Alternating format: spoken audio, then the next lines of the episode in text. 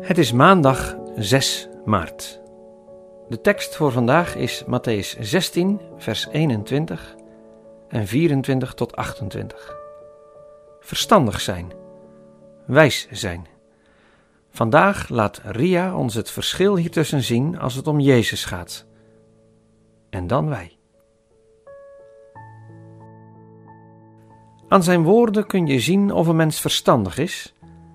Aan zijn vragen kun je zien of hij ook wijs is. Deze uitspraak van de Egyptische schrijver Naguib Mahfouz doet mij denken aan Jezus. Toen hij als twaalfjarige in de tempel zijn vragen stelde, stonden de leraren versteld van zijn inzicht. Jezus blijft vragen stellen. En bij elke vraag moet je opletten. Vandaag stelt Jezus een vraag aan zijn discipelen. Wie zeggen de mensen dat de mensenzoon is? Wie zeggen de mensen dat ik ben? De discipelen hebben een goed gevoel voor wat er onder het volk leeft. En ze noemen wat er zoal gezegd wordt. De mensen vergelijken Jezus met Johannes de Doper, met Elia, Jeremia of een andere profeet. Het zijn eervolle benamingen, maar toch zitten zij ernaast. Profeten zijn mensen zoals wij. En Jezus is meer. Jezus stelt nog een vraag. Wie zeggen jullie dat ik ben? Zo laat hij de discipelen het geheim onder woorden brengen. De discipelen beleiden: De Jezus die wij kennen is geen gewoon mens. Hij komt van buiten onze wereld. Hij is de Messias, de Zoon van God. Jezus is blij met dit antwoord. Dat is de basis, zegt hij, het fundament. Waar de discipelen dit verkondigen, wordt zijn kerk gebouwd en gaat de hemel open. Maar er is meer.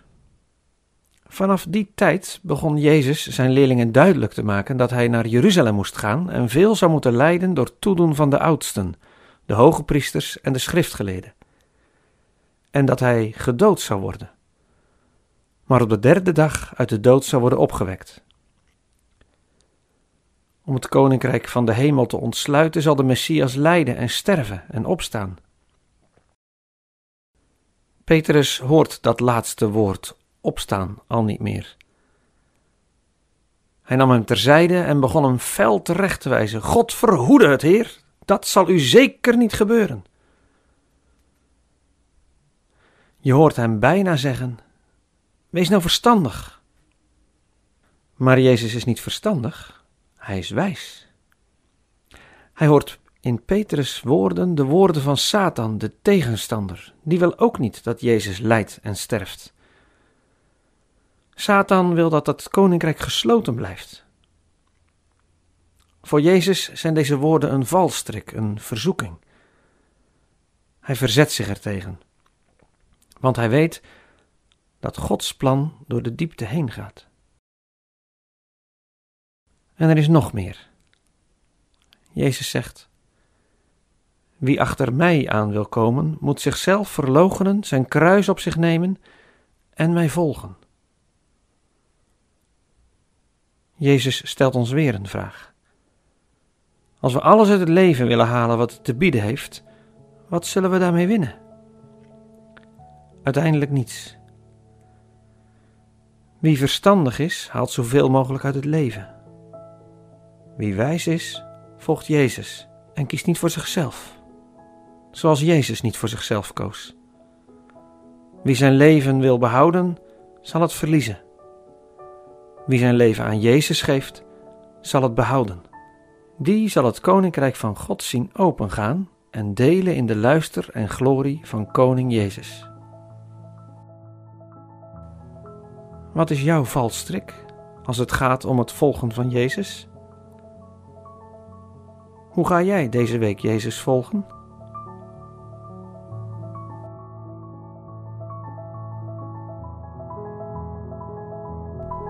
Leuk dat je luistert naar 40 dagen hier en nu. de podcast die je wil helpen om Jezus te volgen in jouw hier en nu. Wil je meer weten over deze podcastserie? Ga naar 40 dagen. Voor de Bijbelteksten in deze podcast gebruiken we de MBV 21 van het Nederlands-Vlaams Bijbelgenootschap.